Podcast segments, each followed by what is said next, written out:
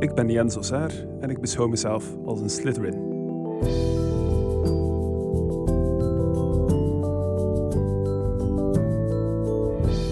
Hallo en welkom bij de meest super mega foxy awesome hot Harry Potter podcast van het land, waarin ik samen met jou en een gast in de studio aftel naar de 20ste filmverjaardag van een van de grootste franchises ter wereld.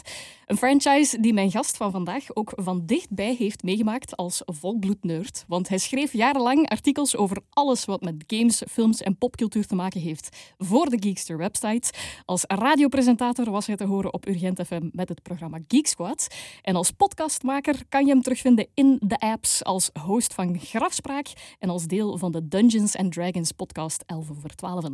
Qua nerdcred kan dat tellen, dus ik duik met plezier in de hersenpan van mijn gast van vandaag. Bij mij in de studio Jens Ossaar.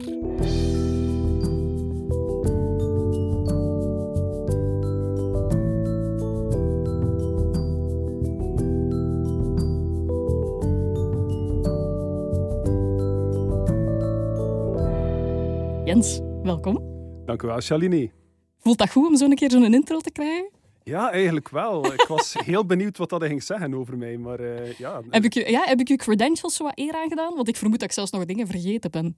Oh, ik denk dat de essentie wel mee had, ja. Uh, ik voel mij al sinds geflatteerd. Oké, okay, kijk, voilà. Ik dacht ook wel van, misschien ben ik nog wel wat projectjes vergeten, maar qua nerdy gehalte klopt het wel, hè? Ja, zo de, de edele Slytherin in mij is zeker, uh, is zeker tevreden. Ik denk het meest um, spraakmakend is misschien niet het juiste woord, maar het project waar je denk ik het meest trots op bent op dit moment is Grafspraak. Ja, zo zou ik toch wel zeggen. Ja. Ik ben trots op alle projecten uh, voor de duidelijkheid, maar uh, Grafspraak is hetgene dat we momenteel nog het meest actief mee bezig zijn. En uh, zeker in het afgelopen, afgesloten coronajaar toch het meeste energie gestoken heb en het meeste ja, ook het meest feedback van krijg van mensen Absoluut. van buitenaf. En uh, ja, grafspraak is toch wel uh, iets dat ik heel trots ben dat op mijn resume staat nu. En het voordeel van grafspraak, het zit heel hard in uw bubbel, want je maakt het samen met uw verloofde. Ja, inderdaad. Die uh, trouwens ook het logo voor deze fantastische podcast gemaakt Onder andere. Het is een, een samenwerking geweest natuurlijk. Mhm. Mm -hmm. um, want uh, ook Dieter Steenhout die heeft eraan gewerkt. Ja. Maar inderdaad, eigenlijk, jullie zijn indirect al heel hard betrokken geweest bij dit project. Want ik denk dat jij ook, Jens,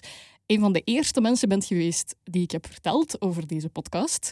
Ja, uh, en je hebt jezelf, denk ik, soort van meteen uitgenodigd. Hoe ver gaat jouw liefde voor Harry Potter? Wel, mijn liefde voor Harry Potter dat was ooit enorm intens. Er is een punt geweest in mijn leven dat ik Harry Potter at en ademde en dronk. Uh, al, alles in mijn leven was Harry Potter gerelateerd. Ik ging zelfs in mijn middelbare schooltijd in een oud kasteel naar school. Dus in mijn ogen was dat mijn Hogwarts eigenlijk. My nice. Ik heb er helaas nooit geheime hangen ontdekt of zo, of bewegende schilderijen. Maar ik zat in een kasteel en dat op zich vond ik wel al heel cool. Maar um, bij mij is het vreemd genoeg eigenlijk allemaal een beetje begonnen toen ik op een dag met mijn moeder mee was naar Nederland en dat we daar een free record shop binnen wandelden. Daarmee heb ik mezelf al meteen gedateerd natuurlijk. Absoluut. Free record shop is, dat, is al ter ziele gegaan ondertussen. Dat bestaat niet meer. Nu, Harry Potter bestond al wel op dat punt. Die eerste film was al uit, maar het was nog niet het fenomeen dat het vandaag is natuurlijk.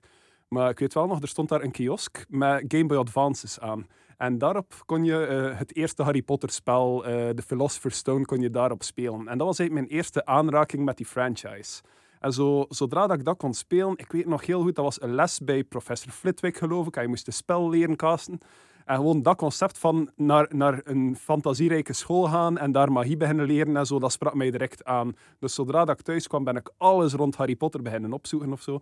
En ja, is dat eigenlijk alleen maar geëscaleerd vanaf daar. Dus, dus op dat punt echt wel ja, een uh, volbloed uh, Harry Potter fan. Ja, compleet uit de hand gelopen. En hoe, hoe heb je dat beleefd? Want ik vermoed dan dat je vanaf dan die reeks ook niet meer hebt losgelaten. Nee, inderdaad. Um, ik kan u nog iets zeggen dat mij meteen dateert. Ik ben toen naar de videotheek gegaan.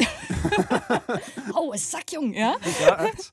En uh, ik denk dat het al op DVD was, dat ik hem gehuurd heb, dat niet meer op videocassette was. Dus, uh, ik heb hem nog gezien op video, denk ik. Is dat? Ja, ja, echt zo de, de... Ik ben op een gegeven moment ooit een keer een weekend naar de zee geweest of zoiets. En het enige wat dat daar lag, het was kutweer, uiteraard, want dan ga je naar de zee en dan, is het, dan kan je geen fluit doen.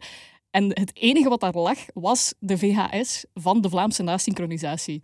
Dus toen heb ik Dirk de Royal, die op een gegeven moment hier ook te gast zal zijn in de podcast, heb ik toen voor het eerst gehoord als Hagrid. En dat is mij altijd bijgebleven.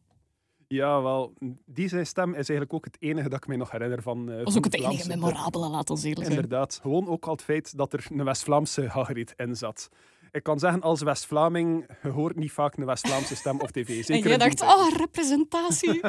Oké, hij wordt ondertiteld, maar hij is er toch. hij, is- hij wordt ondertiteld, ja. Maar dat is misschien in dit geval ook wel nuttig dat hij ondertiteld wordt. Want hij moest verstaanbaar zijn voor alle kindjes natuurlijk. Maar toch, om die eerste keer, je zit een tovenaar, Harry, te horen. Echt dat- waar. Dat, dat was magisch. Absoluut. Ehm, is Harry Potter voor u, want je hebt dat dus op relatief jonge leeftijd ontdekt, is dat zo wat de introductie geweest naar een grotere voorliefde voor popcultuur of was dat al gaande? Eh, die liefde was er zeker wel al. Ehm, ik keek ook al van jongs af aan naar de Star Wars films en zo. zo ja, de grote franchises die tot op vandaag bekend zijn. Ik was me er ook wel van bewust. Het scheelde ook dat ik eh, een heel fanatieke Simpsons-fan was en dat die ook referenties maken naar alles dat er maar binnen popcultuurspectrum past. Dus ik was altijd wel al een beetje op de hoogte van alles dat bestond, al kende ik het niet noodzakelijk. Nu, Harry Potter op zich is wel een soort van een instap geweest, omdat ik weet nog dat ik die, die boeken ben beginnen lezen in het Engels, terwijl dat ik eigenlijk enkel maar Engels kende van, van naar films te kijken en zo. Ik begreep Engels, maar ik kon het niet lezen of zelf schrijven. Want hoe oud was hij dan toen? Dat, dat was je toch niet zo oud? Harry Potter, ik, ik ben zo'n beetje mee verouderd met Harry Ja. eigenlijk. Dus eh, ik was zo, denk ik, rond de 12 jaar toen, Ah, dat, toch? ik, eh, Ja, ja, toen dat ik echt fanatiek begon te worden. En eh, ja, ik weet nog, ik had die boeken niet, want ik las ook nooit boeken. dus ja, mijn ouders waren ook niet van plan om dat te kopen voor mij, omdat ze dachten dat ik daar toch nooit naar ging kijken. Dus eh, ik downloadde die boeken dan illegaal. Sorry, J.K. Rowling, als je luistert. Ze heeft maar- geld genoeg, het is oké. Ja, voilà. Maar ik downloadde die dan in het Engels met dan nog een keer de audioboeken erbij. Ehm, dus ik luisterde en Stephen Fry dan? Eh, niet Stephen Fry, Ah. eh, de andere. Ik ben even die mensen zijn naam kwijt. Ik weet het ook niet. Ik, ik weet alleen maar Stephen Fry. Ja, wel. Maar er, is, er is dus nog een andere Ja. man die de audioboeken gemaakt heeft. Jim something. Eh, mijn excuses dat ik er even niet op kom. Maar eh, die, die man heeft zo voor elk personage heel verschillende stemmetjes gedaan. En ik weet nog dat ik altijd zo moest lachen met zo zijn versie van McGonagall. Want die is zo over, over Schots. En dan zo altijd van... Oh, Harry, je kan ik wat gedaan, En ook is hij trouwens de, de enige man die naar Rowling haar gevoel eh, de naam van Voldemort juist uitspreekt. Ah, en wat is de juiste manier om het uit te spreken? Voldemort. Want het is op zijn Frans. Ah, op zijn eigenlijk. Frans, Je mag de ja. T niet uitspreken. Maar Rowling en de audioboekman zijn dus de enige personen die het zo Die het uitspreken. juist doen. Ja. Ja, en de Fransen zelf waarschijnlijk, waar Voldemort dan Elvis heet, wat ik ook briljant vind. Jawel. In de films ja, is het ook gewoon Voldemort. En ik denk dat, dat iedereen het gewoon zo kent dat op zich zo'n gegeven geworden is intussen dat Voldemort is, dat het dat niet meer kan veranderen. Ik denk het ook niet. Ik denk als je nu ook begint met het zogenaamd correct uit te spreken, dat iedereen zoiets heeft van, zeg, praat ik hier normaal? Voldemort. Inderdaad. Dus ja, ik was, ik was die boekendas als eh, pdf aan het lezen nadat ik die gedownload had. En ehm, ik weet nog dat het vijfde boek, The Order of the Phoenix, toen net was uitgekomen. Of op punt stond van uit te komen. Maar ik had er al een download van gevonden. Dus ik, super enthousiast. Er was wel nog geen audioboek van, dat was nog een beetje te vroeg. Ook dat boek volledig gelezen. En uiteindelijk, nadat ik alles gelezen heb, ook zo forums beginnen opzoeken en zo. En wat bleek? Ik had niet The Order of the Phoenix gelezen. Ik had een fanfic van 500 pagina's gelezen. Die intussen ook bekend staat als The Fake Order of the Phoenix. En was hij hoe? Ja, dat was eigenlijk een verbazend goed boek. Ik ben die nu nog een keer aan het herlezen. Gewoon omdat dat Voor de lol, ja. Ja, zo een keer voor de lol. Omdat ik eh, ergens zo'n beetje nostalgisch, eh, een nostalgisch gevoel heb van... Ik heb dat gelezen in de overtuiging dat dat The Order of the Phoenix was. Er gebeuren daar dingen, like Hermione sterft op een bepaald punt en zo. Ik was er echt van in shock. Dus eh, ergens is er altijd in mijn achterhoofd blijven leven dat dat boek ook ergens bestaat. Als ik dat nu opnieuw lees, merk ik er heel veel spellingsfouten in op en heel veel eh, rare grammatica ja. bij momenten. Dus ze merkt wel dat het niet van Rowling zelf komt. Maar op dat moment stond ik er nog niet genoeg bij stil dat ik, eh, dat ik er echt besef van had. Maar dus ik ben even heel in de overtuiging geweest dat The Order of the Phoenix een volledig ander boek was dan dat uiteindelijk Maar geworden zalig wel. Had je ook zo zelf de neiging om fanfics te schrijven, of is dat een brug te ver? Eh, nee, dat heb ik zelf nooit gedaan. Ik heb wel eh, daarna ook een keer geprobeerd om wat andere fanfics te lezen. Gewoon in afwachting van het zesde en zevende boek dat nog moesten Dat is een gevaarlijke wereld, hè. Ja, dat is een heel gevaarlijke wereld, heb ik ontdekt. Want, eh, zo, ik weet nog, ik begon een fanfic te lezen over Hermione en Ginny die samen naar een concert van de Weird Sisters gingen.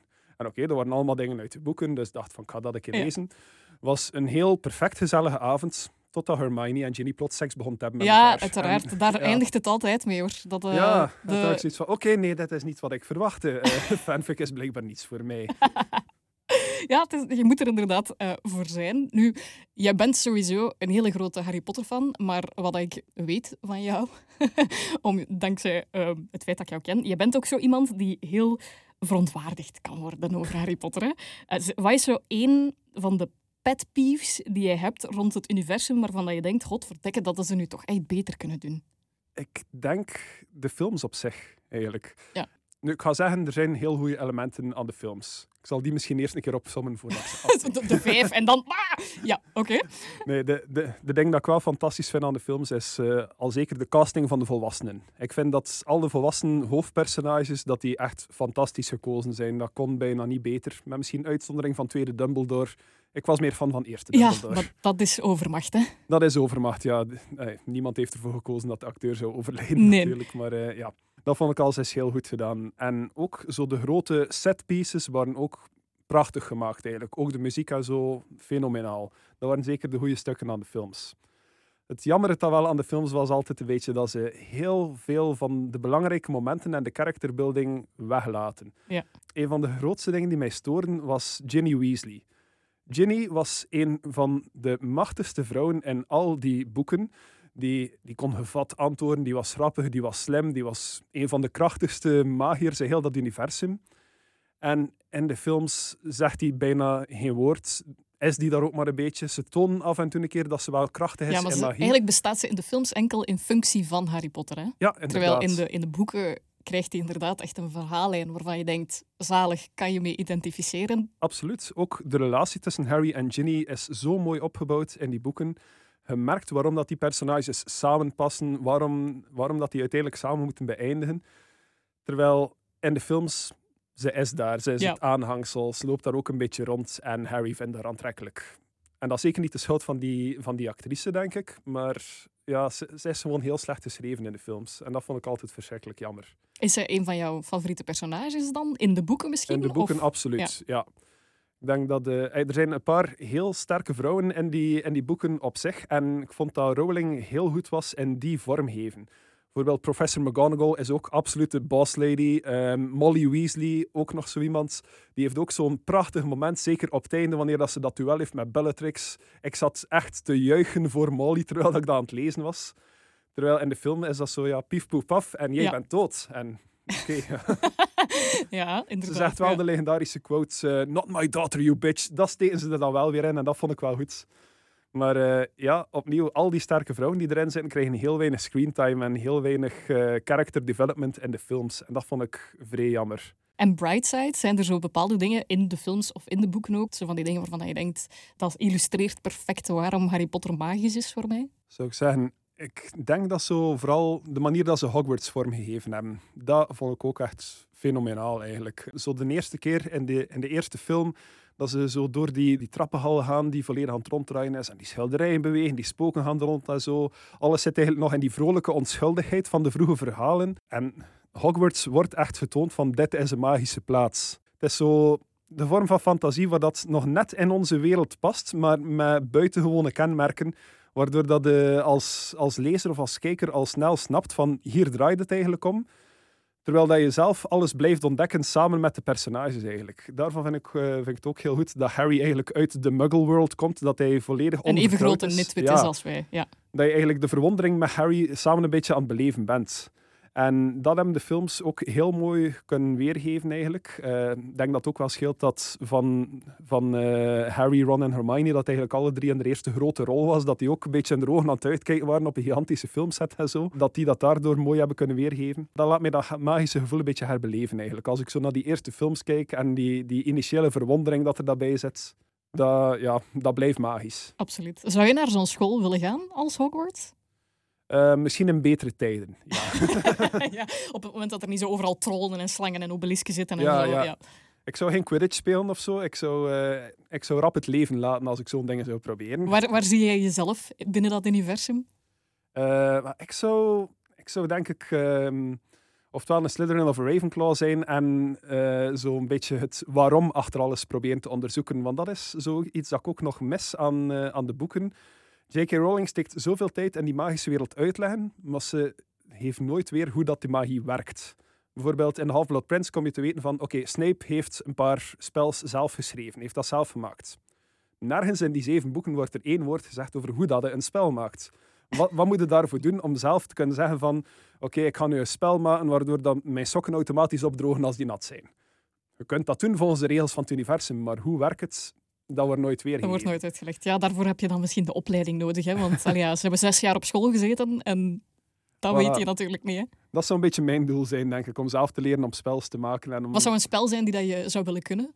Of zo eentje die dat je dan zou, zou willen creëren? Ik denk dat ik zo vooral eigenlijk eh, zo van die kleine ongemakken zou wegnemen. Ja. Bijvoorbeeld nooit meer naar de kapper moeten gaan door zelf je haar te kunnen doen of zo. Ah, ik Of, zou eh, ook echt nooit de afwas willen doen of zo. Voilà, dat- nooit dat- een afwas eh, doen. ja. ehm, nooit naar een tandarts moeten van uh, Oh, recht je toverstok ja, een keer op je tanden en voilà, ze staan perfect. Ja, want dat was op zich, er wordt, ja, je ziet wel bepaalde beroepen eh, binnen het Harry Potter-universum, maar ook heel veel dingen. Tandartsen kennen ze inderdaad niet, hè, want eh, de ouders van Hermione, van Hermeline, die zijn tandarts. Dat concept kennen ze dan weer niet, hè? Nee, inderdaad. Ik denk dat ze, op een gegeven moment op een van Slughorn zijn parties bij de Slug Club zit Hermione er ook bij te vertellen dat haar ouders standaardsen zijn.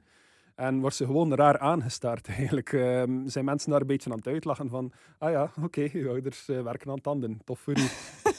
Terwijl Oké, die zegt, ah ja, mijn ouders zijn tandartsen. Ah, amai. Dus, u, eh, dus hij woont in een kast van een huis en zo, maar zo werkt het dus niet in het magisch universum. Nu, ehm, vandaag wil ik, wil ik heel graag jou sorteren, Jens. Ik vond het heerlijk dat je zei dat je misschien een Slytherin bent. Want ik dacht dat ik daar echt naar ging moeten zoeken. Naar Slytherins. Er zijn Ja. heel weinig mensen die zich openlijk outen als Slytherin. Ja, ik denk dat dat ook wel een beetje door, door de boeken zelf komt. Ja, waarin dat, ja, Slytherin, alle Slytherins in de boeken zijn evil en zijn racistisch. En terwijl eigenlijk heb je de, de ambitieuze kant van, eh, van de Slytherins die eigenlijk alleen maar in het negatieve getrokken wordt. Terwijl dat, dat Rowling zich er achteraf ook wel een beetje voor eh, een beetje in teruggetrokken heeft. Ik ben specifiek ook gaan zoeken naar Slytherins die dus niet alleen maar evil zijn. Want ze zijn er wel, maar ze zijn inderdaad zwaar in de minderheid. Dus je hebt bijvoorbeeld... ehm, ja, daar kan je misschien nog over discussiëren. Maar Narcissa Malfoy, hè, de mama van Draco, die uiteindelijk door het feit dat ze Draco beschermt, Harry Potter beschermt, op het moment dat het ertoe doet, zijn de, de laatste boeken, de laatste film. Door het moment waarop Voldemort vraagt, is Harry dood? En zij zegt ja. Mhm. Dat is een van de meest cruciale momenten in heel die reeks. Heel dapper, heel moedig, puur en alleen voor Draco dat ze dat doet op dat moment. Dus in dat opzicht maakt, vind ik haar eigenlijk een voorbeeld van een heel goede Slytherin. Kan over gediscussieerd worden, want hè, daarnaast heeft ze ook wel wat dubieuze dingen gedaan. Maar eh, Regulus Black, Lita Lestrange, eh Horace Slughorn, voorbeelden van goede, goede Slytherins toch? Maar ik denk dat, dat die, of dat de meeste voorbeelden dat nu heeft net, zijn gewoon niet noodzakelijk heel evil. Maar Als je bijvoorbeeld kijkt naar Slughorn, is die heel elitair en ook vrij racistisch ingesteld. Ja, hij is ook echt heel snobistisch. En, eh, ja. dat ik hem ook niet noodzakelijk als een goed persoon zou omschrijven, maar hij hoort niet bij de big evil ones. Hij hoort niet bij Voldemort, a.k.a. de Hitler van eh, de magiërs. Ja. Hetzelfde bij, eh, bij Narcissa eigenlijk een beetje. Is zij, is zij de biggest evil? Nee, absoluut niet. Maar ze heeft wel een ongelooflijke sociopaat van een zoon grootgebracht. En echtgenoot, eh, ja. Ja, die zo eigenlijk ook een beetje ja, de, de worst kind of bully is. Ja. Eh, allee, hij is.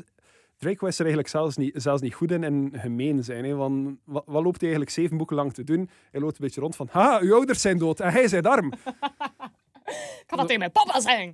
en for some reason is hij toch de meest populaire jongen in Slytherin. Terwijl, nee, in het echt zou er niemand met zo'n persoon In het omgaan. echt ging hij zo los door in elkaar geklopt worden. Maar dat, hebben Ja. we, dat heb ik ook al... eh, ik heb het met Lecter ook gehad over personages in Harry Potter. Mhm. Ehm, en ook Harry Potter zou wel in elkaar geslagen worden in de echte wereld. Eh Lecter zei, ik zou hem zelf gewoon op een parking gaan zoeken en in elkaar slaan. Want, oh my god, stel je voor dat je daarmee op een school zit. Dan hebben ze toch ook zoiets van, gast, doe ik normaal, jong. Ja, het is wel. Hè. Eh, Je, merkt zo zeker de, de James Potter kantjes in Harry. Zo ook Ja. een beetje zo, zo de jockey popular guy. ja, eigenlijk. absoluut. Ja. Ehm, dat waren zowel James als Harry eigenlijk. En dat leer je eigenlijk ook een beetje gaandeweg van. James Potter was eigenlijk ook niet zo'n toffe, achteraf gezien. Nee. Zeker in zijn jeugd niet. Terwijl dat Harry daar heel lang naar opgekeken heeft. En pas laat in de boeken ontdekt van, ah ja, papa was eigenlijk niet ideaal. Papa was een beetje een eikel. Ja, papa was een redelijk groot eikel eigenlijk. Ehm, en dat zie je vrij hard terugkeren in eh, Harry. En zo zeker vanaf, vanaf het vijfde boek zie je zo heel hard angsty puberty Harry. Oh my, inderdaad. Eh, en dat zijn, eh, ja, dat zijn zo toch wel een beetje van de mindere stukken van het boek. Maar aan de andere kant heeft vorig jaar iemand zien doodgaan voor zijn ogen. Hij wordt opgejaagd voor iets dat... sinds- PTSD is Hij wordt ja. opgejaagd voor iets dat als baby gebeurd is, waar dat hij zelfs niks mee te maken heeft.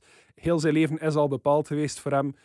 ik snap hem wel ergens. En puberteit is moeilijk voor iedereen, hè? Allee. En zeker toen dat ik Harry Potter las, toen dat ik zelf nog de leeftijd van toolpubliek was, als 15, 16-jarige, als je Angst die Harry leest, je kon u daarin plaatsen. Nee, ik, snap hem ergens wel. maar... maar alleszins, Slytherin, ja, zelfs de voorbeelden die ik gaf van Slytherin zijn dan eigenlijk nog altijd niet de allerbeste voorbeelden. Maar toch heb je het idee van, oké, ja, er is sowieso een, uh, een zware misrepresentatie gebeurd van Slytherins, laat het mij zo zeggen. Ja, ik vind op zich eigenlijk, zowel Slytherin als Hufflepuff zijn eigenlijk serieus achteruitgestoten geweest Absoluut. in de boeken. Want ja, Slytherin zijn evil ones en Hufflepuff is de rest eigenlijk. Zijn zo een bende vrolijke dekzakken die vlak naast de keuken zitten en heel trouw zijn aan elkaar. En de grootste trots die heel House Slytherin heeft, is dat uh, Cedric Diggory Harry Potter een keer heeft kunnen verslaan in Quidditch wanneer dat Harry Potter was uitgeschakeld tijdens de match. Dat is de grootste trots van heel House Hufflepuff in, uh, in al die boeken. Hè. Ja, het is... en, ja, ze, krijgen, ze krijgen inderdaad, want eh, ook daar qua personages heb je dan um, ja, Cedric Diggory, die eigenlijk het best uh, Hufflepuff vertegenwoordigt, maar jammer genoeg niet al te lang. Uh, Newt Scamander is daar dan wel een schone aanvulling aan natuurlijk, hè, in de nieuwe films. Maar je krijgt natuurlijk ook heel het Harry Potter-universum vanuit de ogen van Harry Potter. Mhm. En hij krijgt vanaf dag één te horen: Slytherin zijn evil, Slytherin zijn evil, Slytherin zijn evil. Dan kan je het een elfjarige ook niet kwalijk nemen dat hij dat op een bepaalde manier internaliseert, natuurlijk. Nee, dat is waar. Maar ik vind ook dat we heel weinig zien om een tegendeel te bewijzen. Zo, de, de beste Slytherins, uh, bijvoorbeeld Severus Snape, die een beetje goed gepraat wordt op het einde van de boeken, is nog altijd een verschrikkelijk persoon. Hè? Ik denk in het derde of het vierde boek heeft hij Hermione letterlijk zitten uitlachen met haar tanden. Welke volwassene had er zo tegen een tienermeisje spreken en zijn een job kunnen houden, bijvoorbeeld? Hm. Ehm, altijd als er een Slytherin goed gepraat wordt in die boeken, heeft hij toch wel een evil kantje. Is hij gewoon heel, heel elitair? Is hij racistisch? Is hij evil op andere vlakken? Heeft hij ergens een keer iemand vermoord of zo? Maar ja, dat, dat zijn dan hun, hun mooie degelijke voorbeelden eigenlijk. Dat zijn de goede Slytherins. En toch zeg je, ik, ik denk dat ik daar misschien wel in thuis hoor uh, qua huis. Wat doet jou denken, ik ben misschien wel een Slytherin? Ik uh, hou altijd meer op zo de ambitious en cunning side van Slytherin, dat ik mij meer in kan, uh, kan vinden. Ik denk dat ik absoluut niet zo um, exclusionair ingesteld ben als dat de, de, de Slytherins in de boeken zijn. Maar meer in de zin van, ik heb veel ambitie, ik wil altijd vooruit. Ik probeer ook altijd om zoveel mogelijk bij te leren en zo. Um, daarvan dat ik ook nog een beetje twijfel. Slytherin, Ravenclaw. Ik duik heel graag in de boeken. Uh, ik denk dat ik gewoon een mengelmoes van de twee ben. Dat zo mijn combination house zo Slytherin is. Oké, want ik, ik, ik was ook al op voorhand eens aan het nadenken waar dat ik puur gevoelsmatig dan uh, jou zou sorteren. En mijn eerste instinct was Ravenclaw met een snuifje Hufflepuff. Ah ja, oké. En van waar de Hufflepuff? Uh, ik denk, maar daar ga ik sowieso op komen, want ik wil jou dus graag sorteren. En ik denk dat ik zie ook wel een zorgend kantje in jou. Mhm. Dat heeft natuurlijk ook te maken met jouw beroep, want je bent ook verpleegkundige. En daar heb je sowieso een zorgend instinct voor nodig, naar mijn gevoel. Ja, absoluut. Uh, als je dat niet hebt, dan hadden niet in het beroep terechtkomen, volgens mij. Ja, of het zeker niet volhouden, op zijn minst. nee, nee, nee, inderdaad. Ik had er ook nog een keer de psychiatrische verpleegkunde in, dus uh, dat zorgt er ook voor dat als ik nu nog een keer de boeken aan het herlezen ben met mijn psychiatrische achtergrond, dat ik er toch ook wel heel veel persoonlijkheden kan uithalen. Als ah, serieus? ja, dat op een heel andere manier naar die boeken begint te kijken. Dus je gaat, als je die herleest, ben je al in een zekere zin beroepsmisvormd. Wat kan je daar zoal uithalen? Wel, voornamelijk dat er heel veel persoonlijkheidsstoornissen rondlopen in, uh, in de magische wereld. Zoals ik al zei, Draco is tussen een sociopaat en een psychopaat. ben er nog mhm. niet 100% aan uit. Het dan ook ja, een... Lockhart is een perfecte narcist. Absoluut. En het dan ook nog een, uh, ja, een letterlijk zwevende borderline die daar uh, in het kasteel rondhangt, zijn de Moaning Myrtle. Die... ja, ik denk dat Hermelien misschien ook wel zo OCD-kantjes heeft, misschien. Ja, maar Hermelien leert dat ook een beetje loslaten. Ze heeft er kantjes van, maar dat heb ik ook wel al geleerd. Iedereen, iedereen, elk gezond mens heeft kantjes van persoonlijkheidsstoornissen. Maar zolang dat die niet de overhand nemen, dan zijn Zolang dat je nog normaal kan functioneren, is het oké. Dus als ik nu vraag aan jou, um, hè, welk personage kon jij jezelf het meest mee identificeren, dan weten wij eigenlijk ook in welke categorie mogelijke persoonlijkheidsstoornis dat je thuis hoort. Ik denk dat ik me altijd een beetje het meeste kon identificeren met uh, Neville Longbottom. Ah ja, For some reason. Uh, omdat Neville zo ook altijd een beetje de onhandige klungel was, wat ik ook al heel mijn leven ben eigenlijk. Uh, maar zo ook altijd ja, het, het Dutske dat niet goed kon meedoen. En dat was, dat was ik heel zwaar in mijn kindertijd. Uh, zeker zo op, uh, op sportief of handig vlak of zo kon ik absoluut niet mee met al de rest. Had ook totaal niets van zelfvertrouwen en dan maar later in mijn leven beginnen krijgen, wat je ook heel mooi bij Neville ziet. Dus je hebt ook zo'n uh, Neville puberty doorgemaakt, waarin dat je dan plots je eigen innerlijke kracht hebt ontdekt. Absoluut, met dan wel de uitzondering dat ik niet opeens uh, ogenschijnlijk knap werd aan mijn 17 jaar. niet ineens plots een sixpack, dat valt nee, tegen. Zeg. Nee, ik had erop gehoopt, maar vandaar is, uh, ja, is de magische wereld toch nog iets fantasierijker. Misschien is daar ook een spel voor. Hè. Die hadden dan misschien bedacht als je daar waart. Voilà. Dat je dan plots, poef, sixpack kon hebben of zo. we weten het niet, hè. we weten het niet. Alleszins, um, ik zei dat mijn hoofd ging in de richting van Ravenclaw, omdat ik ken jou natuurlijk een beetje en ik weet van jou dat jij echt een, een, uh, een gigantische voorkeur hebt voor, voor research, voor opzoekwerk, voor onnozele feitjes ook. Mm -hmm. um, ik vermoed dat alleen al voor deze podcast ben je in de boeken gedoken, heb je filmpjes bekeken, ongetwijfeld ben je, heb jij nog een hele lading aan kennis die je maar gewoon over mij moet uitstorten, bij wijze van spreken. ja, ik heb wel mijn best gedaan, moet ik zeggen. uh, ik heb de boeken herlezen, uh, of toch voor een deel. een deel heb ik ook ja, via audioboek naar geluisterd. Jim Dale trouwens, dat was de voorlezer ah, van de audioboeken. Zie, ik wist dat ik er nog geen komen. Hè. Um, ja, uh, video's bekeken inderdaad, heb ik ook wel gedaan. Ik, ik heb ook naar de Harry Potter podcast beginnen luisteren. Ik was er even echt weer volledig ingedoken eigenlijk. Ook weer een paar herinneringen die, naar, die bij mij naar boven gekomen zijn van zaken dat ik zelf in mijn jeugd gedaan had rond Harry Potter. Uh, like, heb ik u ooit verteld dat ik zelf nog headmaster geweest ben van een digitaal Hogwarts? Oh, nee. Nee? Ik weet niet of, dat je, of dat je ooit gehoord hebt van Habbo Hotel. Ja, wacht hoor. Maar dat zit al heel ver. Ja, dat was zo. Dat, is, uh, dat, dat was een glorified chatroom eigenlijk. Ja. Maar je kon, dat was letterlijk uh, ja, een groot hotel, zo gezegd, waar dat een personage in maakte. En je kon erin rondlopen. Je had zo publieke lobbyruimtes. Er was een zwembad en een bar en zo. En dan kon je ook zelf kamers inrichten. Nu, als je kamer zou inrichten, dan moest je geld betalen om je furniture te kunnen kopen. Je moest met de telefoon bellen om, uh, om daar credits in te uploaden en dan zo zelf meubels te verdienen en zo. En wat had ik gedaan? Ik had een hele hoop kamers gebouwd en daar uh, mijn ouders een, een heel hoge telefoonrekening voor geschonken. Uh, en ik had een eigen Hogwarts nagebouwd. Waar dat ik de headmaster van was. En er waren klaslokalen en dormitories en al in. En er kwamen er ook heel veel mensen op af. Je werd dan ook gesorteerd in je huis. En kreeg les van mensen die dan als lesgever werden, werden nagenomen en zo. Dus ik overzag eigenlijk heel die school een beetje. En hoe verliep het sorteren toen?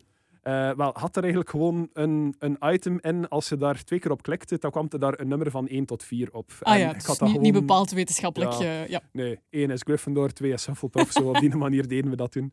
Maar dat waren wel uh, zo de tofste tijden voor mij, omdat ik ook mijn fandom kon delen met andere mensen. En ze ook speculeren over de boeken die gingen uitkomen, want ze waren nog niet allemaal uit op dat moment. En zo. Dat was zo mijn meest die-hard Harry Potter moment eigenlijk. Ja, maar kan ik me voorstellen. Ja. Maar alleszins, ja, voor deze podcast ben je daar opnieuw even ingedoken. Mhm. Heb je het gevoel dat je zo die research nodig hebt om, om comfortabel aan een project te beginnen? Of vind je dat gewoon fijn? Valt dat een beetje onder voorpret?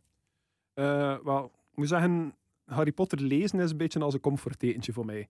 Ik herken de wereld nog altijd. Ik, ik weet eigenlijk alles wat er in die boeken gebeurt, maar met zo de zoveelste keer te herlezen, ga je, ga je beginnen letten op bepaalde zegswijzen of zo.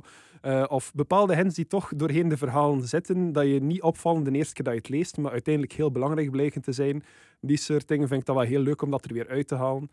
En ja, het is gewoon vertrouwd en je kan je, je kan je gedachten even op nul zetten en gewoon terug in die wereld duiken. En ja, daar haal ik dan wel weer veel plezier uit jou algemeen, los van Harry Potter, als je kijkt naar hoe jij door het leven stapt, zeg maar, ben je dan iemand die um, sowieso, voor dit nu specifiek bijvoorbeeld, heb je research gedaan, maar is dat ook hoe je in het algemeen projecten aanpakt? In jouw ja, dagelijkse leven? Eigenlijk wel. Um, zeker als ik kijk naar, uh, naar mijn andere podcast Grafspraak. Als ik daarvoor mijn research wil doen, dan ja, is altijd één paranormaal thema dat ik of Nikki uh, dan volledig onderzoekt. En we geven dat dan zonder voorkennis van de anderen. En ik kan er echt heel diep in gaan soms. Uh, in de zin dat ik deep, uh, dives maak die eigenlijk totaal niks meer te maken hebben met mijn case, maar gewoon over één voorwerp dat zo 200 jaar geleden werd gebruikt, dat ik daar dan alles over wil opzoeken van hoe werkte dat precies? Wat, wat gebeurde er in die tijd om dat, om dat te doen werken? Ik kan mij soms echt verliezen down the rabbit hole eigenlijk van ja, soms nutteloze informatie, maar ik wil het gewoon weten. Iets in mij drijft mij gewoon van, van blijf daarover opzoeken, totdat je, totdat je zoveel mogelijk weet of toch alle essentiële informatie mee hebt. ook al gaat dat nooit van belang zijn, dat je, dat je weet hoe dat een diepvries 150 jaar geleden werkte, is dat toch wel leuk om, om die kennis ergens te hebben, denk ik. Gewoon het weten om het weten is voldoende. Ja, inderdaad. Maar dat heeft mij dan ook wel alweer uh, op veel leuke feitjes gestoten. Uh, bijvoorbeeld weer gerelateerd aan de Harry Potter-wereld. Want ik had u ook iets gezegd uh, dat, ik, dat ik iets gevonden had over waarom dat Sirius Black bijvoorbeeld zijn naam gekregen heeft. Hè. Ja. dat dat eigenlijk te maken had met een, een bepaalde ster die, die Sirius heet. En die ster wordt ook de hondenster genoemd. En Sirius heeft dan ook nog een keer de bijnaam Padfoot. En de Padfoot was eigenlijk zo'n zwarte mythologische hond die, uh, die in de Britse folklore uh, dikwijls voorkomt langs, uh, langs donkere banen waar dat mensen alleen lopen en zo. Ik ben al op vrij veel zo'n dingen gestoten eigenlijk, waarvan dat ik dan toch terug moest denken naar Harry Potter van ah, daar heeft Rowling haar naam dus vandaan gehaald. Ah ja, oké. Daar heeft ze de mosterd gehaald. Ja. Ze heeft duidelijk ook goed haar research gedaan. Absoluut. Ze heeft dat op heel veel vlakken gedaan eigenlijk. Ik ga niet zeggen dat alle namen even fantastisch waren, maar ik vind het altijd een beetje onnozel dat de herbology teacher dat die professor Sprout heet. Maar ja, of, of de, de weerwolf heet Lupin. Ja, Misschien ook een klein beetje doorzichtig. Maar... Dat was een weggever, maar als dertienjarige weten niet noodzakelijk wat dat de Romulus en Remus legende is, of dat Lupin eigenlijk iets met een wolf te maken heeft. Dat is waar, dat is waar. Nu, in het algemeen, als je, uh, je hebt het bijvoorbeeld ook al gehad over 11 voor 12, uh, ja. over jouw D&D-podcast. Ben jij daar dan ook degene in die uh, eerder gestructureerd te werk gaat, of eerder improviserend? Uh, bij 11 voor 12 heb ik de grote luxe dat ik eigenlijk niks op voorhand mag weten. Dus ik moet enkel maar met mijn personage bezig zijn en niets anders. We hebben de fantastische Dungeon Master Nick, die een volledig verhaal en een volledige wereld gebouwd heeft voor ons. En ik speel gewoon mijn schildpad Tonk en... Uh, meestal improviseer ik eigenlijk gewoon zijn acties. Ik heb nooit echt op voorhand gepland van ik wil hem dat laten doen of dat laten zeggen, want ik weet ook niet wat er gaat gebeuren. Dus daar word ik eigenlijk een beetje gedwongen om zo de controlefreak in mij eventjes los te laten. Maar je bent wel een controlefreak. Ergens wel, ja. Als mijn project is, dan, uh, dan uh, ja, helikopter ik daar een beetje over en wil ik alle aspecten ervan kennen en uh, wil ik dat allemaal in orde is. Want ik dacht dat het misschien meer in het genre zat van ik hou ervan een plan te hebben, maar ik hou er even goed van om het plan overboord te smijten. Mhm. Maar je hebt dan toch liever de controle misschien. Ik heb graag een plan, maar ik kan er ook van afwijken. Het is niet dat ik heel neurotisch ga vasthangen op van ja, maar nee, ik wou dat we dat op die manier deden, dus dat moet op die manier. Nee, uh, er kunnen sowieso suggesties geven worden die beter zijn dan mijn idee. Dat gebeurt heel vaak zelfs. Maar ik ga wel altijd met een idee afkomen. Ik ga wel altijd een insteek proberen te geven. En doe dat of doe dat niet, dan kan ik dat wel loslaten. Ja, maar die voorzet moet er wel zijn voor jou. Ja, ja, dat ga ik wel altijd doen. Als ik gepassioneerd ben voor iets, dan ga ik er echt 100% voor. Ja, dan, is het niet, dan ga je niet de neiging hebben van ik, ik, ik wing het wel, ik kom er wel met improvisatie. Nee, meestal niet. Ik heb er al een paar keer geprobeerd, maar dan, dan merk ik dat ik dingen over het hoofd begin te zien of zo. Dus meestal... Of dat je dan achteraf denkt, ik had dat nog moeten zeggen. Ja, inderdaad. Ja, want uh, ik had het net al over jouw job natuurlijk als, als, uh, als verpleegkundige. Mhm. um, naast al uw projecten waar ik het daarnet al over uh, gehad heb, doe je dus nog een fulltime job. Um, waarbij dat ik dus inderdaad denk, een heel zorgende kant, waarbij dat ik dan bijna automatisch ook richting, richting Hufflepuff ga. Van waar de ambitie of de motivatie om die job te doen? Uh, ik ben er eigenlijk een beetje ingerold, uh, bij wijze van spreken. Uh, ik ging tot mijn tweede middelbaar ging ik naar een school die ook nog verbonden was aan een, aan een verzorgingsschool. En vanaf het derde jaar moest je dan kiezen van wilde een kantoorrichting doen of wilde naar de verzorging gaan. En ik had eigenlijk echt geen voorkeur. Ik wist niet wat ik wou doen. En op een dag kwamen er, uh, ja, kwamen er wat mensen van die verzorgingsschool hun school een beetje voorstellen. En ik had naar de uitleg geluisterd en uh, ja, hou rekening, ik was een uh, eh, 13-jarig ventje op dat moment, maar dat waren heel iets knap, met hormonen, sowieso. Dat waren heel knappe vrouwen die dat kwamen Ah. uitleggen ons. En mijn beste maat en ik hadden zoiets van, wij gaan verzorging gaan studeren, man. Ja. ja, dus uiteindelijk dan die verzor eh, ja, verzorging gaan studeren en dan met mijn stages en zo gemerkt van, oké, ik ben hier eigenlijk wel nog goed in. Ja. Eh, ik doe dit eigenlijk wel nog graag. Dus daar dan uiteindelijk toch mijn beroep van gemaakt. Ook al was het niet met 100% overtuiging dat ik erin gestapt ben. En ja, na een paar jaar toch weer die ambitieuze kant van mij die boven kwam van ik wil terug verpleegkunde gaan studeren. En dat, heel blij dat ik uh, daarvoor de kans kreeg om dat, te, om dat te doen met loonbehoud. Uh, en zo heb ik nu net mijn traject eigenlijk bijna afgemaakt. Binnen een paar weken is dat afgerond. En uh, ben ik dan verpleegkundige en kan ik meteen aan de slag ook. Dus verschillende van jouw grote levenskeuzes komen in een zekere zin wel, ja, enerzijds uit een broek vol hoesting, maar anderzijds ook wel uit ambitie. Ja, ja toch wel. Uh, ja, ik kan niet zeggen dat ik, al, dat ik als puber altijd de meest doordachte persoon was. Ik zal het zo zeggen. wie wel, wie, Ja, wel. wie wel. Maar alleszins, je, hebt, je zei het daarnet al, hè, ik, ben, ik heb dan beslist ook van, ik wil, hè, ik wil wel ook verder studeren. Van waar dan zo de, die drang om toch nog daar verder in te gaan? Wel, ik heb, ik heb daar vrij lang over zitten twijfelen eigenlijk. Ik denk dat ik zeker eh, vijf jaar lang, zo het ene moment wou ik terug gaan studeren, het andere moment wou ik dat niet. Omdat ik eh, ja, heel vaak het gevoel had van, in mijn job als zorgkundige zit ik een beetje vast tussen haakjes. Eh, Met, met alle respect voor zorgkundigen natuurlijk. Hè. Eh, maar ik had het gevoel van, ik wil vooruit, maar ik heb geen doorgroeikansen in deze job. En heel lang ook getwijfeld aan mezelf van, ga ik het geduld hebben om dat te studeren? Ga ik dat zelfs nog kunnen om terug in de boeken te duiken en terug stages te lopen en zo? Heel lang getwijfeld aan mijzelf ook. Totdat ik uiteindelijk toch besloot van, ik ga het er hier gewoon op wagen. Want anders ga ik, eh, ik achteraf met spijt zijn dat ik het niet gedaan heb. Dus dat was niet noodzakelijk, hè? want je, ja, dat, je, dat je ontzettend nieuwsgierig bent, dat wisten we natuurlijk al. Maar daar gaat het niet noodzakelijk meteen om, ik wil mijzelf verder ontwikkelen in die zin, maar daar gaat het wel echt vanuit die ambitie als in, ik wil echt dat diploma behalen om die stappen in mijn carrière te kunnen zetten. Dat ook wel, ja. Eh, maar ik heb dat wel tijdens mijn, studie, eh, tijdens mijn studies wel ondervonden van... Oké, ik heb wel heel veel fascinatie gekregen voor, eh, voor de medische wereld op zich. Ik heb echt al met mijn neus in de anatomieboeken gezeten en ziektes zitten bestuderen en zo. Ik vind het allemaal eindeloos fascinerend. En ben blij dat ik die klik ergens tijdens mijn opleiding gemaakt heb van eh, ik ga me er hier ook echt 100% voor smijten. En dat heeft er ook weer voor gezorgd dat los van die ambitie dat ook weer een passie was. Om verpleegkundige te zijn, moet je denk ik vertrouwen sowieso op, op kennis en opleiding, want die heb je nodig uiteraard. Maar toch ook een, een heel belangrijk aspect daarvan, denk ik dan, is, is intuïtie. In, in hoeverre ben jij een eh, gevoelsmens? Ik eh, ben zelf vrij intuïtief in de zin dat ik rap ga merken als er iets niet klopt. Ik heb bijvoorbeeld een heel goede bullshit detector, wat dat zeker nodig hebt dat de psychiatrie in gaat. Ik heb zoal stage gelopen bij, eh, bij mensen met verslavingsstoornissen en zo, en daarin is dat wel heel hard nodig. Ik ga ook direct merken van, oké, we zijn hier iets aan het vergeten, of er, is hier, er is hier ergens iets dat niet heel juist is aan wat wij op dit moment aan het doen zijn. En dat, ja, zo dat overkoepelend inzicht dat je zeker wel nodig als verpleegkundige. Want het is natuurlijk een grote verantwoordelijkheid dat je voor je krijgt. Je hebt letterlijk mensenlevens in handen eigenlijk, dus je wilt ook geen fout maken. Eh, dus dat is, wel, dat is wel een noodzakelijkheid dat je dat hebt. En ik denk dat dat ook belangrijk is in, in een team, dat je dat eender, enerzijds zelf hebt, maar dat je ook kunt vertrouwen op andere mensen rond je, dat die dat ook hebben. En eh, dat je elkaar daar een beetje in kan aanvullen ook. Want kan je dan, want zeker in zo'n functie, hè, je zegt het ook, dat, dat is best wel belangrijk om van op een bepaalde afstand naar te kunnen kijken. Kan je daar heel analytisch, hè, jouw kennis die je dan vanuit die opleiding hebt opgedaan, daarop betrekken? Ook in, bijvoorbeeld, ja, als verpleegkundige heb je dan natuurlijk vanuit een professionele functie. Maar kan je dat bijvoorbeeld ook in je eigen omgeving? Kan je naar je vrienden kijken of luisteren en denken, hmm, wacht, ik heb daarover gelezen of... Eh, het is soms te zien hoe, hoe dicht dat is staat Ja. bij iemand, vind ik wel. Ehm, ik heb wel al bepaalde zaken opgemerkt in mijn vriendengroep van, ah ja, hij heeft misschien toch wel een narcistisch kantje of zo. zo die, die soort dingen vallen mij dan wel op. Ik ga dat ook niet altijd zeggen, want dat valt ook niet altijd in goede In goede aarde. aarde, ik wou zeggen, ja.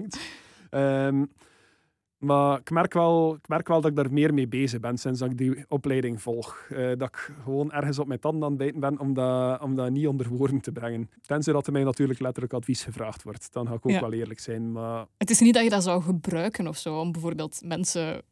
Ik weet het niet, of dat je, of dat je bepaalde trucjes hebt waarvan dat je denkt, misschien kan ik zo wel iets gedaan krijgen van die of dat of hetgeen, of zit dat niet in jouw aard? Eh, wel, ik heb zowel één truc dat ik vrij graag toepas eigenlijk. Ehm, ken je het concept van de Socratische dialoog? Nee. Wel, dat was eigenlijk ehm, iets dat ja, door Socrates natuurlijk uitgevonden is. Ehm, maar die, die bracht eigenlijk toneelstukken waarin dat hij zichzelf eigenlijk volledig als onwetende opstelde en vragen stelde aan anderen om zo ja, een verhaal of eh, een denkwijze of zo onder woorden te laten komen. En dat is een techniek die ook nog altijd in psychiatrie wordt toegepast. Dat de mensen eigenlijk via onwetende vragen dat hij stelt, eigenlijk mensen tot inzicht brengt over wat is eigenlijk de reden dat ik op dit moment zo in mijn schoenen sta. En dat is iets dat ik mezelf wel op betrap, dat ik soms een keer eh, eh, in de praktijk durf gebruiken eh, wanneer, dat ik gewoon, ja, wanneer dat ik gewoon in mijn vrije tijd met mensen bezig ben. En komen daar dingen uit? Soms wel een keer, ja. Het is natuurlijk te zien hoe hard dat de persoon kon- in staat zijn om tot die inzicht te Ja. komen, want dat lukt ook niet bij iedereen. Nee, dat is waar. Maar ik heb wel al momenten gehad dat er zo toch iets naar boven kwam bij mensen. Dat ze, dat ze toch op een andere manier naar iets keken. Uh, naar hun eigen acties of hun eigen denkwijze. Of Want dat is, dat is denk ik misschien een voorbeeld van, van een kunning. Uh, kantje, omdat je het had over, over de kwaliteiten van Slytherin die jij misschien zou kunnen bezitten. Zijn er zo nog andere aspecten waarvan dat je denkt, op dat vlak ben ik misschien wel een beetje kunning of, of een beetje Slytherin? Uh, voor de rest uh, denk ik dat ook vrij belangrijk is, um, zeker toch in, uh, in het werkveld, dat je heel bewust bent over de manier dat je jezelf opstelt naar iemand anders en wat dat zegt en wat dat soms ook niet zegt. Dat is iets dat je heel actief mee moet bezig zijn, zeker uh, als je de geestelijke gezondheidszorg werkt. Ja, moet je daar absoluut bewust van zijn en daar heb je toch ook wel een beetje kunning voor nodig volgens mij, om te weten hoe dat je profileert naar een ander toe en hoe dat, de, hoe dat gaat overkomen. Dat is misschien wel tactischer dan bij de gemiddelde mens ook, dat je heel doelbewust nadenkt over hoe jij jezelf toont, niet alleen naar jouw patiënten bijvoorbeeld, mhm. maar ook naar jouw collega's. Geldt dat ook naar de buitenwereld toe? Ga je soms een andere Jens tonen, afhankelijk van wie dat je voor je neus hebt? Ehm, dat kan zeker wel. Nu, ik denk dat de meeste mensen dat eigenlijk zelfs onbewust een beetje doen. Je wilt altijd dat, mensen rond je dat ze de beste kant van u zien. Uh, je moet echt al heel close zijn met iemand tegen dat je eigenlijk echt volledig 100% jezelf kunt zijn daarbij. Ik denk dat dat iets vrij algemeen is. Nu, ik ben wel van het principe, ik blijf altijd mijzelf, maar mijn dien ben ik meer dat aspect van mijzelf en mijn dien ben ik meer dat aspect van mijzelf. Ik ga niet andere mensen gaan voorliegen of zo, maar het is wel te zien wat dan mijn band is met die persoon, uh, welke kant dat ik ga tonen. En als je uh, naar uh, mensen toe bijvoorbeeld, in hoeverre ben je dan bijvoorbeeld loyaal naar grote groepen mensen of, of een kleine selecte groep aan mensen van wie dat je denkt, oké, dit, is, dit is het meest kern Jens dat je te zien gaat krijgen?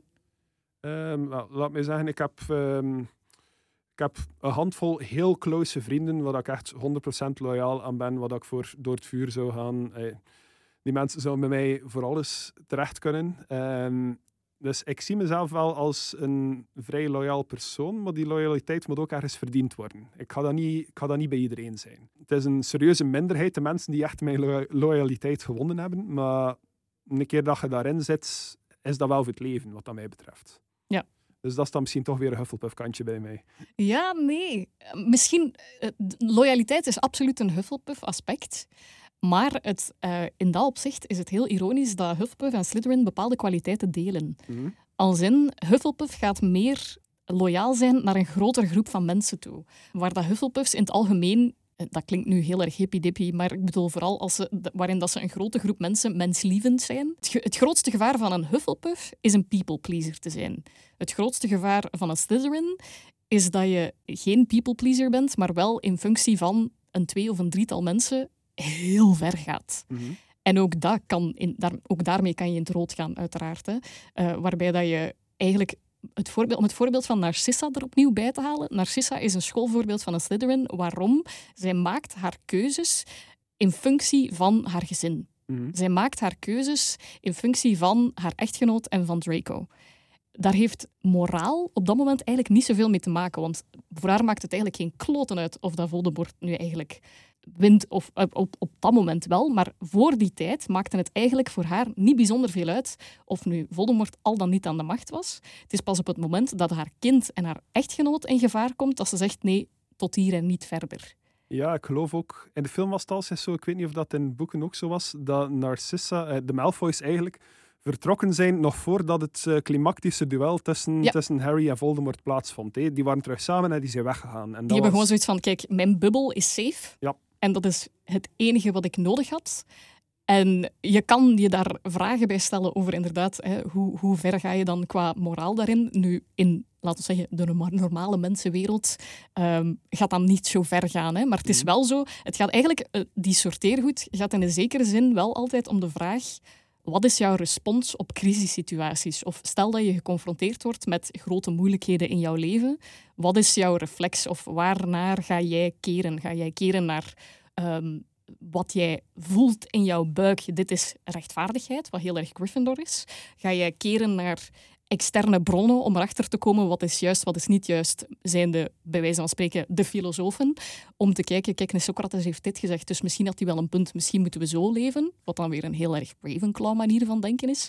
Hufflepuff heel vaak in functie van wat heeft mijn community nodig? Wat, wat hebben niet alleen ik of mijn kleine bubbel, maar ook de mensen rond mij nodig? Wat hebben we nodig om de wereld hè, compacter, beter te maken. En Slytherin is echt een hele mooie loyaliteit wel hoor, want dat is iets dat op zich heel positief kan zijn als een Slytherin zich goed voelt en de mensen om zich heen voelen zich goed, de mensen voor wie dat die door het vuur wil gaan, dan kunnen die zelfs, in, in het meest positieve geval, lijken op Hufflepuffs. Want dan kunnen die ook heel creatief zijn en heel ambitieus zijn en kunnen die, kunnen die ook werelden verplaatsen, ook weer in functie van de mensen die ze graag zien, bijvoorbeeld. Ja, inderdaad. Dat zijn wel uh, heel mooie aspecten die allemaal aan bod komen in de boeken als je het achteraf bekijkt. Hè. Want waar, voel jij, waar, waar gaat jouw neiging dan naar uit? Waar, als jij denkt van, ik word geconfronteerd met een bepaald probleem in mijn leven, wat is dan jouw eerste reflex? Uh, als ik echt in een crisissituatie zit, dan ga ik altijd het eerste momentje nodig hebben waar ik zelf even in paniek ben. Waar ik uh, eventjes uh, ja, gewoon alle remmen los en ja, een emotionele reactie op zich. En dan ga ik altijd uh, ergens op een punt komen, oftewel is dat door iemand die iets tegen mij zegt, of doordat ik gewoon even afstand neem van, uh, van de situatie, maar dat ik eventjes terug tot rust kan komen. En dat ik mezelf, afhankelijk van de situatie, een momentje geef om na te denken over wat is er nu eigenlijk aan het gebeuren en wat kan ik eigenlijk doen, wat kan er hier aan veranderd worden, wat kan er beter. En ik ga proberen om die situatie vanuit het aspect van een buitenstaander te bekijken zonder noodzakelijk mijn eigen emoties dan nog in te betrekken, maar gewoon nuchter naar de situatie proberen kijken en zien wat dat ermee kan gebeuren. Maar ja, op zich is het ook wel heel afhankelijk van wat dat de situatie is die zich voordoet natuurlijk. Hoe hard ik er zelf in betrokken ben. Maar ik weet van mezelf, als ik emotioneel reageer, dan kan ik hevig emotioneel reageren. En dan heb ik soms wel veel tijd nodig om terug uh, de controle over mezelf terug te herwinnen. En bijvoorbeeld, hè, want ik had het nu over, over de harde kern van loyaliteit die Slytherin bijvoorbeeld uh, heeft. Als er iemand komt aan jouw naasten, wat doet dat dan met jou? Uh, wel, laat ik zeggen, dan kan er wel iets in mij naar boven komen waar dat ik, uh, als echt iemand die mij nauw aan het hart is, uh, zwaar geraakt hebben of zo, dan vergelijkt een beetje met, met de reactie dat ik eigenlijk had wanneer dat, denk in het vijfde boek, dat zo Umbridge en haar crew, dat ze McGonagall neerblazen uh, op, in de voortuin van, uh, uh, van Hogwarts, waar ik echt kwaad begon te roepen op dat boek. Ik denk dat dat zo'n beetje mijn, mijn gut reaction zou zijn van ik ben kwaad op u, ik ga je met de grond gelijk maken en de, de gevolgen zijn voor u op dit punt. Not my teacher, you bitch. ja, want Zoiets. Je zegt dan um, aanvankelijk een paniekreactie wanneer je geconfronteerd wordt met een crisis. Daarna afstand nemen, reflecteren, een bepaalde mate van uh, rust gaan zoeken. Wat geeft dan bij jou de doorslag? Is dat dan analytisch bekijken van op een afstand, zijnde in een zekere zin uw hoofd uh, laten meespelen in het nemen van een beslissing? Of vooral, wat gebeurt er in mijn buik? Ik ga even nadenken wat mijn lijf allemaal aan het doen is om intuïtief een keuze te maken. Als er echt meteen een keuze moet gemaakt worden, dan ga ik op buikgevoel afgaan.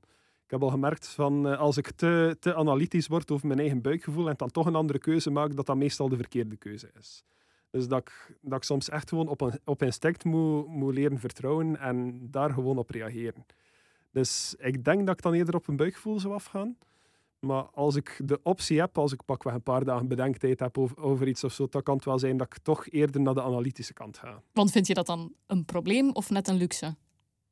Uh, ergens, is het een, ergens is het een luxe als gewoon op, buik, op buikgevoel kan afgaan. Gewoon omdat de, ik ben ook iemand die, die ermee bezig blijft als ik met een probleem zit. Dus uh, liever dat ik dat gewoon meteen er kom af mee kan maken, dan dat ik mij er eerst een week over zit op te fretten en dan de gevolgen pas En kan je dat? Of, of merk je dan toch dat je achteraf toch nog altijd de reflex hebt om ik ga nog even nog doorkouwen? Ja, meestal is het dan zo een tijd later bij mij. Uh, ik ken dat dat zo dat je in bed ligt en plots je zo die schaamtelijke herinnering van vijf jaar geleden. Oh ja. ja, wel. Dat, dat is het eigenlijk bij mij. zo op het moment zelf ga ik er niet altijd te hard bij stilstaan. Maar zo een tijd later ben ik, ben ik die situatie opnieuw aan het analyseren. En dan is dat zo tot drie uur s'nachts dat je erop ligt te denken. Ja, op het moment dat het super nuttig is nog. Ja, mm -hmm. Dat je er nog zeker zo, nog effect hebt. Ik kan er niks meer aan veranderen. Ja. Ik heb zelfs al jaren niet met die persoon gesproken. Ja, die momenten heb ik dat wel. Maar uh, het moment zelf ga ik, er, ga ik dat niet blijven herkouwen, meestal. Ja. Hoe zou jij graag omschreven worden door, door andere mensen? Door mensen die jou graag zien? Um, groot, knap en rijk. Zo, zo mooi zijn. en nu realistisch, Jens? Oké, okay, rijk niet, Shalini. nee, um, ik denk dat ik, uh, dat ik vooral zelf veel waarde hecht aan, aan intelligentie. Eh, ik, ik beschouw mezelf niet als een uitzonderlijk hoogbegaafd of hoogintelligent persoon. Maar ik denk wel dat ik, eh, eh, dat ik daarin toch wel een zekere capaciteit heb. Eh, en ik vind het altijd leuk als andere mensen dat, ook erkennen of dat ook lijken te beseffen. Ehm, anderzijds, humor vind ik ook heel belangrijk. Ik, ik weet niet of dat je dat al opgevallen is, maar ik maak soms wel een keer een grapje. En ik vind het altijd leuk om andere mensen aan het lachen te brengen. Ehm, dus slim en grappig vind ik altijd leuk om, om te horen te krijgen. Ehm, maar anderzijds ook gewoon ja, eerlijk en liefdevol. Dat vind ik ook wel heel belangrijke capaciteiten die, ja, die iemand een mooi mens kunnen maken voor mij. Want je bent, ehm, ik ben ook zo eens naar jouw eh, Twitterpagina gaan neuzen Oei, ook. oei. Ehm, eerlijk en liefdevol, absoluut. Maar je bent ook wel iemand, denk ik dan, die geen schrik heeft om zijn mening te verkondigen. Heb je, heb je een soort van. ehm, ik weet het niet. Heb je, heb je de nood om jouw mening te delen over wat naar jouw gevoel juist of fout is? Eh, bij momenten wel. Ik moet wel zeggen, ik ben... Ik heb ook wel geleerd van me daarin een beetje in te houden. Want moest ik echt elke, elke moralistische gedachte in mijn, in mijn hoofd proberen te tweeten, zou niemand mij nog volgen. Eh, maar soms kan ik wel een keer een opwelling hebben over iets waarvan ik zeg van, godverdomme, dat is een onrecht. Ik wil er even mijn mening over spouwen. En dan achteraf kan ik daar dan ook mee bezig zijn en denken van, "Ah, jezus, wat heb ik daar toch weer opgezet? Mensen gaan mij zo'n onnozelaar vinden dat ik dat nu getweet heb. Dus, Want is, is, er daar, is er daar bij jou een verschil tussen internet versus real life? Want ik, ik heb altijd een indruk dat je misschien meer verlegen bent in het echt. Of is dat onzin? Eh, ik ga zeggen, heel mijn jeugd lang ben ik heel verlegen geweest. De laatste jaren heb ik dat een beetje kunnen afzetten, maar ik denk dat dat sowieso inherent toch wel nog een kantje blijft van mij hoor. Ehm, ik heb zo nooit echt 100% gevoel gehad dat, dat ik eh, sociaal dezelfde ellebogen had als de meeste mensen rond mij. Eh, waardoor dat, dat dat iets is dat mezelf een beetje heb moeten aanleren eigenlijk. Maar dat dat nog altijd niet 100% als natuurlijk aanvoelt. Je steekt mij een hele grote groep onbekende mensen en dat is een heel moeilijke situatie en een heel stressvolle situatie voor mij. Ik ga me wel kunnen plaatsen daarin. Ik ga meestal wel iemand vinden dat wel een beetje mee klikt. Maar ik ben iemand die veel liever eigenlijk met één of twee mensen samen is dan in een grote groep. En ja, natuurlijk de internetversie die je van jezelf projecteert, is niet, is niet wie dat in de werkelijkheid zei. Ik denk dat dat bij iedereen zo'n beetje is. Dat, dat iedereen maar bepaalde aspecten van zichzelf op het internet gaat smijten. En ja, mijn meer verlegen kantje had daar dan ook niet zozeer Nee. aan bod komen. Toch niet letterlijk in de zinnen dat ik zeg. Maar als je het dan op andere dingen let, had, eh, zou het bijvoorbeeld ook wel kunnen, eh, kunnen opvallen dat ik niet vaak op andere mensen hun dingen reageer, maar dat meestal mijn eigen zegje aan het doen ben. Dat ik ook altijd zo probeer vanuit de weg te gaan van andere mensen te abetteren of zo. En in, en in, eh, in echte situaties zou je jezelf als dapper durven omschrijven? Eh, ja, dat is ook wel iets dat ik mezelf een beetje heb aangeleerd. Zeker als verpleegkundige weer, heb je dat soms wel een keer nodig van iemand met zijn neus op de feiten te drukken van kijk, sorry, je mag hier nog tegen mij zeggen dat, dat, dat je niet gebruikt hebt, maar je ruikt naar de alcohol op dit moment. Eh, eh, soms moeten mensen gewoon confronteren met zaken die niet aangenaam zijn om te horen. En daar heb je ook wel zekere dapperheid voor nodig. En ik heb ook al gemerkt van dat dat de grens is dat ik over moet bij momenten. En dat dat mij ook weer veel stress kan geven en dat ik achteraf soms een keer moet ontladen daarover. Maar ik ben dan ook wel trots op mezelf als ik dat dan gedaan heb, uiteindelijk. Ja. Ik kan niet zeggen dat ik de dapperste mens ben, zeker niet als het op fysieke dingen aankomt, maar ik ga toch wel altijd proberen om mijn grens daarin een beetje te verleggen. Oké. Ik vind het moeilijk, Jens. Ja, ik vind mezelf ook moeilijk, Janine. Ik denk dat er zeker wel Slytherin-aspecten in jou zitten. Sowieso. Maar ik neig toch eerder naar Ravenclaw, denk ik. Mhm. Als ik zo kijk naar hoe jij keuzes maakt, hoe jij manoeuvreert in het leven, hoe ambitieus dat je inderdaad wel absoluut bent. Er zijn bepaalde aspecten waarvan ik denk dat is zeker Slytherin. In die zin dat je gaat jezelf kunnen profileren op verschillende manieren, maar voor jezelf is het heel duidelijk van kijk, dit ben ik en het is een beetje te nemen of te laten in een zekere zin. Eh, en afhankelijk van wie dat je voor je neus hebt, kan je dan wel een bepaalde factor meer of minder naar voren schuiven. Er zit een bepaalde cleverheid in hoe dat jij reageert op bepaalde mensen of bepaalde situaties. Maar ik heb het gevoel dat heel veel van jouw keuzes die jij maakt in je leven heel vaak gemaakt worden, niet alleen door ambitie, maar ook door een goesting om te leren, om meer te weten, om te graven, om te speuren, om een drang, bijna uh, onuitputbare drang naar uh, leergierigheid te bevredigen. Ik weet niet of dat, dat ergens klopt, naar jouw gevoel. Ja, het is, het is is al een van de meer positieve manieren dat ik al omschreven ben geweest. Dus, dat apprecieer ik zeker. Uh, nee, ik denk dat ik mij daar wel voor een groot deel in kan vinden. Uh, ik moet zeggen, Pottermore zei ook dat ik, uh, dat ik een Ravenclaw was. Ah, dus uh, daarin uh, stem hij en JK toch wel een beetje overeen met elkaar. Tju, ik, ik, ik ben niet zo, nogthans niet zo'n grote fan van de Pottermore sorting. maar, alleen, um, maar ik, ja, ik zeg het, het kan eigenlijk allebei de richtingen uit. Dus in dit geval kom je dan sowieso altijd uit op um, het dilemma van de hoed zelf. Als in, de hoed gaat bepaalde voorkeuren geven en die laat de uiteindelijke beslissing ook nog altijd bij degene liggen die die hoed op zijn hoofd heeft. Dus dan is eigenlijk vooral mijn vraag aan jou. Waar denk jij dat je misschien het meest tot je recht zou komen? Gaat dat dan in Slytherin of is dat eerder toch Ravenclaw? Uh, als ik zou moeten kiezen tussen de twee, denk ik dat ik dan toch voor Ravenclaw zou gaan. Puur omdat, omdat ik al te veel gezien heb van hoe dat House Slytherin en de boeken eigenlijk in elkaar zitten. Dus ja, moest ik daarin terechtkomen, ja. ik zou me daar niet goed in voelen eigenlijk. Nee, maar dat, dat vind ik dus ook het zure eraan. Want volgens mij zit er een heel grote kant aan Slytherin die echt wel oké is. Maar het enige wat je ziet zijn de bullies. Maar er zijn ook mhm. oprecht gewoon ambitieuze mensen die niet noodzakelijk uh, evil zijn. Hè? Ook niet in het alledaagse leven. Hè? Ja, dat is waar.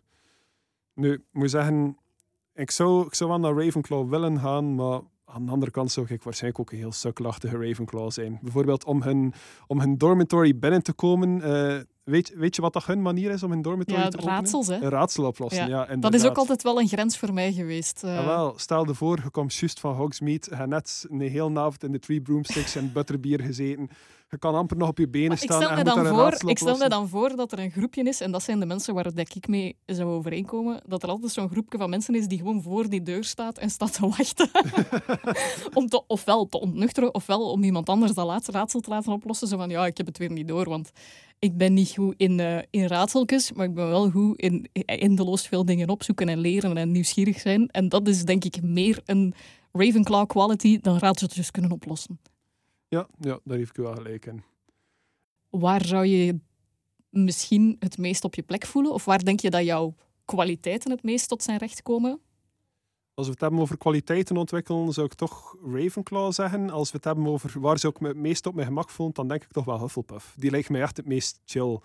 Dat zijn zo, zo de, de, meer alternatieve groep, zo waarschijnlijk ook de stoners van de groep, waar dat eigenlijk gewoon met iedereen kunt overeenkomen en dat iedereen zich eigenlijk van niks aantrekt. Maar zou je, dat dan, zou je uh, op dat moment misschien bijvoorbeeld niet storen aan het misschien eerder gebrek aan ambitie? Bij sommigen misschien wel, maar ik ben, ben dan ook wel iemand die, die daarin vooral naar zichzelf kijkt. Uh, zolang dat ik geen groepsmerk moet maken met die andere gasten.